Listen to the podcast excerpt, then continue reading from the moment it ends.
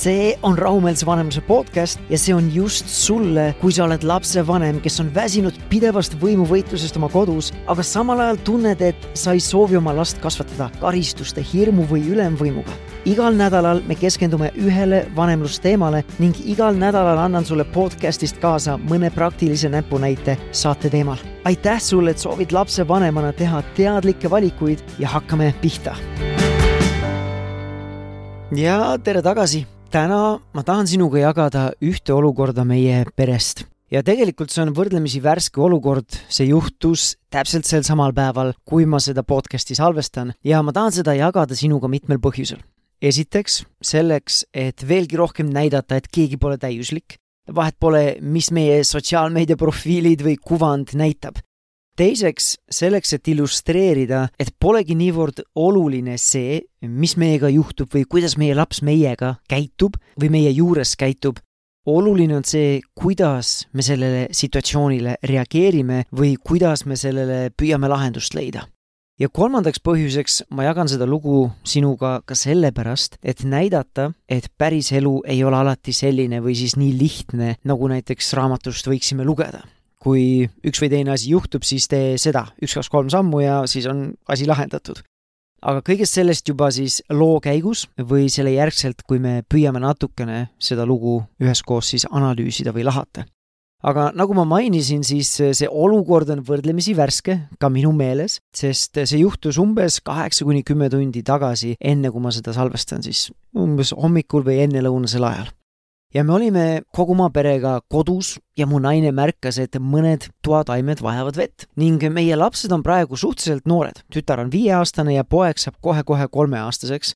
Ja ette rutates peagi kolmeseks saav poeg on siis selle loo peategelane või üks nendest ja nende mõlema jaoks on maailma kõige tähtsam asi just see, millega mina või mu naine parasjagu tegeleme. ehk siis nad mõlemad tahavad peaaegu alati olla ninapidi juures, ükskõik millega meie tegeleme ja nii mina kui ka minu naine, me kaasame oma lapsi meeleldi oma igapäevastesse tegemistesse.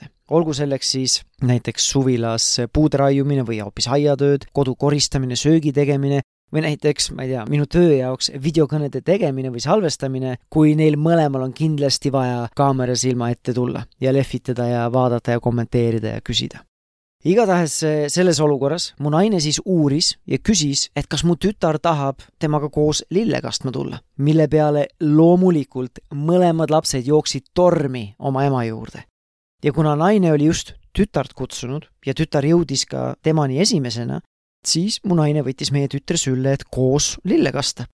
ta pidi lapse sülle võtma, sest aknalaud oli meie tütre jaoks ja või poja jaoks liiga kõrgel.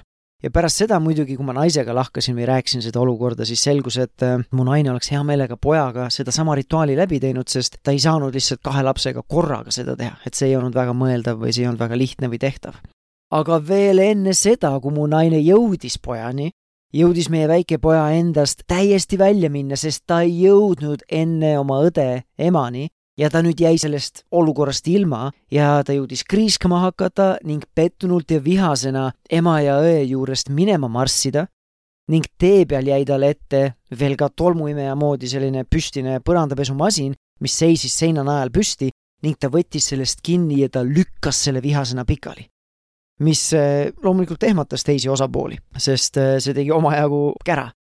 ja kogu seda olukorda kõrvalt vaadates ma nägin, et meie väikene poja jõudis, ma ei tea, sekundiga või isegi sekundi kümnendikuga nullist sajani ehk siis ootusärevusest, põnevusest ja sellest rõõmust vihani ja pettumuseni ja siis laamendamiseni. ja olles ise seda kõike kõrvalt näinud, selle olukorra jooksul juba ma tõusin diivanilt ja sammusin väga resoluutselt pojani hõigates veel valjuhäälselt tema nime samal ajal, nagu see talle midagi tähendaks, just sel ajal, kui ta siis selle masina pikali lükkas. ja sees ma tundsin isegi, kuidas mina ka jõudsin sekundiga nullist sajani. ja oi, ma tahtsin talle öelda asju, mida ma tegelikult võib-olla ei mõelnud.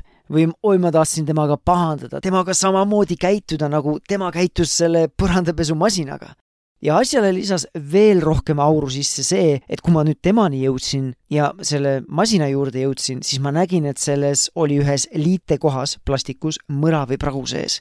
ja ma haarasin oma poja väga kindlakäeliselt oma käte vahele, mitte talle haiget tehes, aga ikkagi järsku. ja, ja panin ta resoluutselt diivanile istuma ja ma ütlesin talle, et meie peres me ei loobi ega lõhu asju ning ma läksin siis kiirelt seda masinat uurima ja õnneks see liitekoht oli lihtsalt lahti tulnud ning ma sain kiire vajutusega selle korda tehtud, aga sellegipoolest nii-öelda ma reageerisin väga äkiliselt. ja ma läksin siis poja juurde tagasi, ise veel ikkagi vihasena ja, ja ma tundsin, kuidas see viha pulbitseb minu sees ja ma samal ajal panin tähele ka oma mõtteid.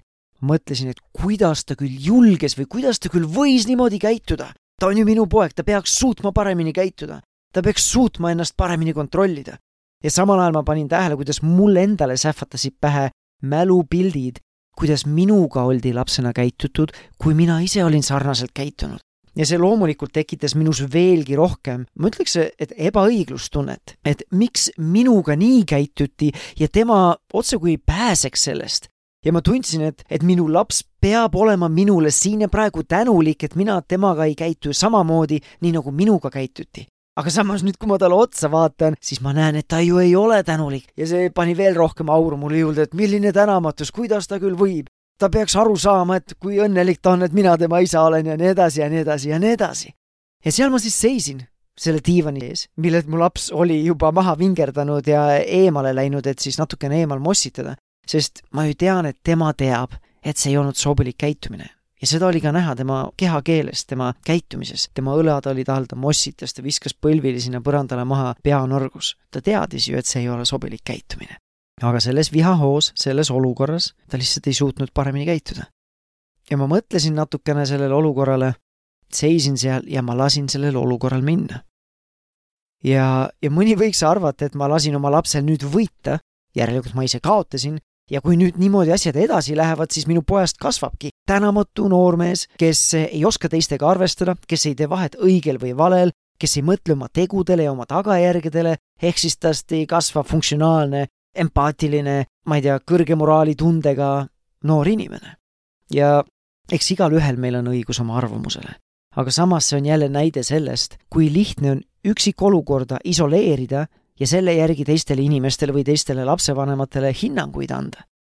kui me seda olukorda nüüd püüame korraks koos ühiselt siin eh, lahata, siis minu hinnangu järgi käitus meie poeg lapselikult. ja samas ta ju ongi laps. ta pole veel kolmeaastanegi ja ma ei kasuta seda üldse vabandusena, et see käitumine on õigustatud või nii peabki käituma või ma pean seda tolereerima või seda lubama sest mõnes teises olukorras ta on jällegi näidanud, et ta saab väga hästi oma impulssidega hakkama. aga kindlasti mitte kogu aeg ja kindlasti mitte selles konkreetses olukorras, mida ma sinuga just jagasin. ja loomulikult ma oleksin oodanud või ma oleksin soovinud, et ta oleks ka selles olukorras paremini hakkama saanud, aga näed, seekord ei saanud. ja tegelikult minagi ei käitunud ju ideaalselt ma oleksin võinud rohkem empaatiat väljendada, oleksin võinud vähem äkilisem olla nii oma käitumises kui ka oma hääletooni või siis selle volüümiga, ma oleksin võinud talle ma ei tea, siis paremini piire meelde tuletada, efektiivsemalt, ja seda loomulikult pärast seda, kui ta oleks nii-öelda maha rahunenud olnud, sest muidu oleks see olnud nagu hane selga vesi. aga näed, minagi olen inimene ja nagu ma ütlesin, ma lasin sellel olukorral minna. Ja selle põhjustest ma räägin ka kohe-kohe, aga enne seda ma tahaksin tulla tagasi iseenda ootuste juurde sest see on üks võtmekoht, miks ma oma last karistama ei kippunud. nagu ma mainisin, minu laps käitus selles olukorras minu hinnangul lapsikult. olgugi, et ta ongi laps, siis ma ju ood-, oodanuks või ma oleksin võinud või ma oleksin tahtnud oodata, et ta saaks oma emotsioonidega paremini hakkama. nüüd aga tulekski mõelda sellele, et miks mul selline ootus on. kas sellepärast, et ma olen talle järjekindlalt ja eakohaselt õpetanud, kuidas oma emotsioone reguleerida? Või kas ma olen ise olnud nii-öelda etalonmudel, kuidas mina iseenda emotsioone reguleerin. või siis äh, ma olen oma lapsele õpetanud, kuidas sellistes olukordades enda emotsioonide ja käitumise peremeheks jääda. või on mul sellised ootused lihtsalt sellepärast, et ta on juba ju kolmeaastane ja paistab, et ta peaks nende ülesannetega hakkama saama, mis ma ootan talt või on mul need ootused pelgalt sellepärast, et minu sõbralaps, kes kunagi, ma ei tea, mõned kuud tagasi külas käis, käitus väga küpselt selles vanuses ja minu oma ei saa ju temast kehvem olla. tema peab ka ju väga hästi käituma ja seda iga kord. et miks meil on sellised ootused oma lastele? point on selles, et, et ma ei saa oma lapselt oodata mingeid oskusi või võimekusi lihtsalt niisama. mina peaksin olema see, kes õpetab talle, kuidas nendes olukordades paremini toime tulla. miks me ootame, et laps haaraks kõiki selliseid oskusi lihtsalt, ma ei tea, õhust. Kui tal näiteks puudub kas või eeskuju, keda jäljendada, sest ma ei tea, nii paljud lapsevanemad, keda ma näen, nii-öelda nende kui ka vahepeal minu ja minu naise süütenöörid on olematud. me ise lendame õhku iga väiksemagi sädeme peale. ja teiseks, kui me nendel lastel või meie lastel puudub keegi, kes neile tegelikult ka õpetaks, kuidas nendes olukordades just paremini toime tulla. et miks me ootame, et neid asju lapsed haaraksid õhust, ilma et neil puuduks eeskuju või keegi, kes neile õpetaks. et kui me võtame võrdluseks mingi füüsilise oskuse, näiteks kuidas beebid kõndima õpivad.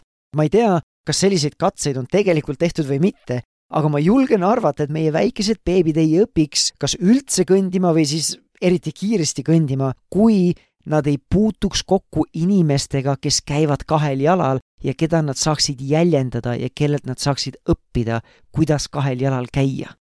see näitab just seda, et kui oluline see meie enda eeskuju on, kuidas meie enda emotsioone reguleerime, kuidas meie käitume, kui miski ei lähe nii, nagu meie ise ootame. ja kui minu enda süütenöör on olematu ja ma ise lendangi õhku iga väiksema sädeme või siis möödapaneku pärast, siis mul ei saa olla või mul ei tohiks olla õigust oodata seda oma lapselt, et tema suudaks enda emotsioone reguleerida. sest ta ju tegelikult ei teagi, kuidas see peaks üldse välja nägema. Tal pole isegi mingit eeskuju, mida ta võiks püüda jäljendada, rääkimata siis tegevusplaanist või nii-öelda õpetustest, kuidas seda ise teha. ehk siis see esimene mõttetera sellest loost ongi kontrollida enda ootusi oma lapsele. ja antud olukorras ma saan öelda, et et viimasel ajal ma ise olen olnud palju äkilisem ja närvilisem ja lühikesema süütenööriga. ning selles konkreetses olukorras minu käitumine pigem eskaleeris mu poja käitumist, kui siis aitas tal rahuneda. Ja teine nii-öelda võtmekoht või mõtlemise koht, millest ma tahtsin rääkida, oli see minna laskmine. ja, ja see on ka oluline, sest see puudutab just meie ootusi iseendale. nimelt päris sagedasti me ootame endalt ka peaaegu et võimatut reaalsus on aga see, et meil kõigil on piiratud võimekus ja piiratud ressursid nende olukordadega tegeleda ja oma lapse nii-öelda, lapsele õpetuste andmisega või õppetundide nii-öelda loomisega. Nagu öeldakse, vali oma lahinguid, me ei saa igat lahingut võita. mitte, et laste kasvatamine oleks lahing, aga sama kehtib ka siin. vali oma õpetuste kohtasid või oma õpetusi, mida sa tahad oma lastele või lapsele edasi anda. kui sa võtad neid õpetusi liiga palju ühe korraga ette, siis eh, väga vähesed nendest õpetustest jõuavad kohale, sest paljud nendest nõuavad teadlikku lähenemist, järjepidevat kordamist ja nii edasi. Ja selles olukorras ja üldse viimaste nädalate kontekstis on nii minu kui ka minu naise ressursid olnud piiratud ja madalamad kui varem. ja kuigi selline nende asjade loopimine on meie poja käitumises just viimaste nädalate jooksul rohkem esile tulnud, siis meil ei ole olnud selleks praegu ressursse, et sellega süstemaatiliselt ja järjepidevalt tegeleda. sest et sellega tegeleda nii-öelda produktiivselt, mina leian, et äh, ei piisa sellest, et ma lihtsalt tänitan päevast päeva, et nii ei tohi, selliselt me ei käitu meie peres, või hoopis ähvardad, et kui sa veel nii teed, siis, ma ei tea, jääd millestki ilma. ma ei oska isegi mõelda, millega ähvardaks, sest me väga ei ähvarda oma kodus. sellega tuleb tegeleda, mitte niisama tänitada ja moraali lugeda. ja, ja sellega tuleb tegeleda just siis, kui nii minul kui ka meie lapsel on siis parasjagu ressursse sellega tegeleda ja tegeleda nii-öelda rahuajal, kus me saame maha istuda, rääkida nendest olukordades, me oleme mõlemad võimelised ja valmis koostööd tegema, me saame arutada neid olukordasid läbi ja vaadata, mis on need probleemikohad. mis on need murekohad, kui tema üle keeb, et miks ta ei suuda iseennast kontrollida. ja siis me võiksime ühiselt mingi tegevusplaani kokku panna ja siis püüame sellest järjepidevalt kinni pidada ja nüüd, kui tulebki see järgmine kord, kui tal kerkib üles selline vihapurse, siis vaadates oma meie pere ajaloole tagasi, siis on peaaegu kindel, et see plaan läheb mu lapsel meelest ära ja me peame ikka selle plaani juurde uuesti tulema, uuesti üle rääkima, uuesti mingeid asju meelde tuletama, võib-olla ka plaanis muudatusi sisse viima, sest see ei olnud nii-öelda tehtav või realistlik. ja sellest me võime ühes järgmises podcastis rääkida, et kuidas siis nendes olukordades käituda või kuidas neid tegevusplaane teha, aga nagu sa näed ja kuuled, see võtab aega ja see võtab ressursse, mida minul ega mu naisel praegu ei olnud. Ja sellepärast nii mina kui, ka mu naine, me lasimegi sellel olukorral minna. mitte igaveseks, vaid seniks, kuni meil tekib lisaressursse, et sellega tegeleda, või kui see olukord lihtsalt muutub meie jaoks nii oluliseks või suureks, et need ressursid lihtsalt tuleb kuskilt võtta või nii-öelda näpistada. või siis, ma ei tea, mine tea, võib-olla laheneb see käitumine aja jooksul ka ise, kui meie kodune õhkkond muutub veidi lahedamaks või mahedamaks või rahulikumaks ja sellega koos ka siis meie poja käitumine. Loomulikult ma ei panustaks raha sellele, aga mine tea, võib-olla. ehk siis tänase podcasti kokkuvõtteks, enamus lapsed käituvad aeg-ajalt sobimatult, aga samas on oluline meeles pidada, et lapsed käituvad hästi, nii-öelda jutumärkides hästi, siis kui nad suudavad või nad oskavad ehk siis kui nad käituvad sobimatult, see on märk sellest, et nad kas ei suuda või nad ei oska paremini käituda. ja tänane lugu ei tähenda seda, et me peaksime kõik igasugusel käitumisel minna laskma. Küll aga tähendab see seda, et me võiksime kontrollida esiteks iseenda ootusi oma lapsele, kas see, mida ma talt ootan, on esiteks eakohane ja kas ma tean, et on võimeline selleks käitumiseks üleüldiselt ja ka kas ta on võimeline seda demonstreerima selles konkreetses olukorras. ja kui vastus on eitav, siis äh, vähemalt minul aitab see minu enda reaktsioone paremini hallata. ja kui see vastus ongi eitav, siis võiks ka uurida näiteks seda, et miks, miks see on eitav, miks ta ei ole võimeline, kas minu ootus ei ole eakohane ja õige või kas mina pole olnud piisavalt heaks eeskujuks või pole ma ise lapsele õpetanud, kuidas nende olukordadega paremini toime tulla. ja teiseks võiksime kontrollida ka ootusi iseendale. nagu ma ütlesin, mõnikord meil lihtsalt puuduvad need ressursid, et selle olukorraga tegeleda nagu öeldakse, tuleks valida oma lahinguid, siis see ei tähenda, et mina kaotasin ja minu laps võitis, pigem ma julgustan siingi oma ressursse paremini hindama ja ka endale rohkem empaatiat pakkuma. et me ei pea absoluutselt iga olukorda ideaalselt lahendama. sellised mõtted siis tänasest podcastist ja, ja ma loodan, et see tänane podcast pani sind natukene vähemalt mõtlema nendele asjadele ja teemadele. et kus meie ootused kas endale või oma lapsele ei ole võib-olla päris õiged. Ja see ei tähenda, et sa pead minu mõttekäikudega alati nõustuma ja isegi kui sa ei nõustu, ma tahaksin sellest kuulda. et mis olid sinu mõtted või sinu reaktsioonid tänast podcasti kuulates ja anna nendest äh, ka mulle teada, kas äh, kirjuta mulle või siis äh, kommenteeri Facebookis selle podcasti postituse all. selleks korraks kõik, järgmise korrani ja tšau!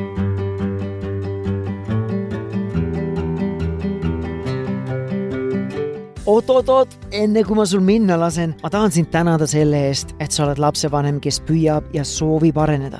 isegi kui su laps seda praegu ei hinda, siis mina väärtustan seda, mida sa teed, nii et aitäh sulle.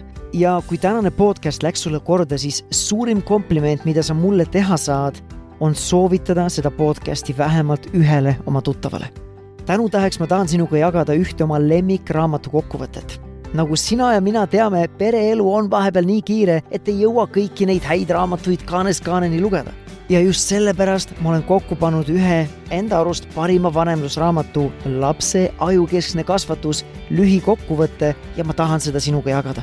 sa leiad selle lühikokkuvõtte veebist taneljappinen.com kaldkriips kingitus ja lõpetuseks ma tahan sulle meelde tuletada, et me keegi ei ole täiuslik lapsevanem ja see polegi oluline täiuslikkus ei tohiks kunagi olla mõõdupuu või isegi eesmärk. oluline on, et sa liiguksid samm-sammult paremuse ja rahumeelsuse poole. nii et edu sulle sellel teekonnal ja järgmise korrani, tšau!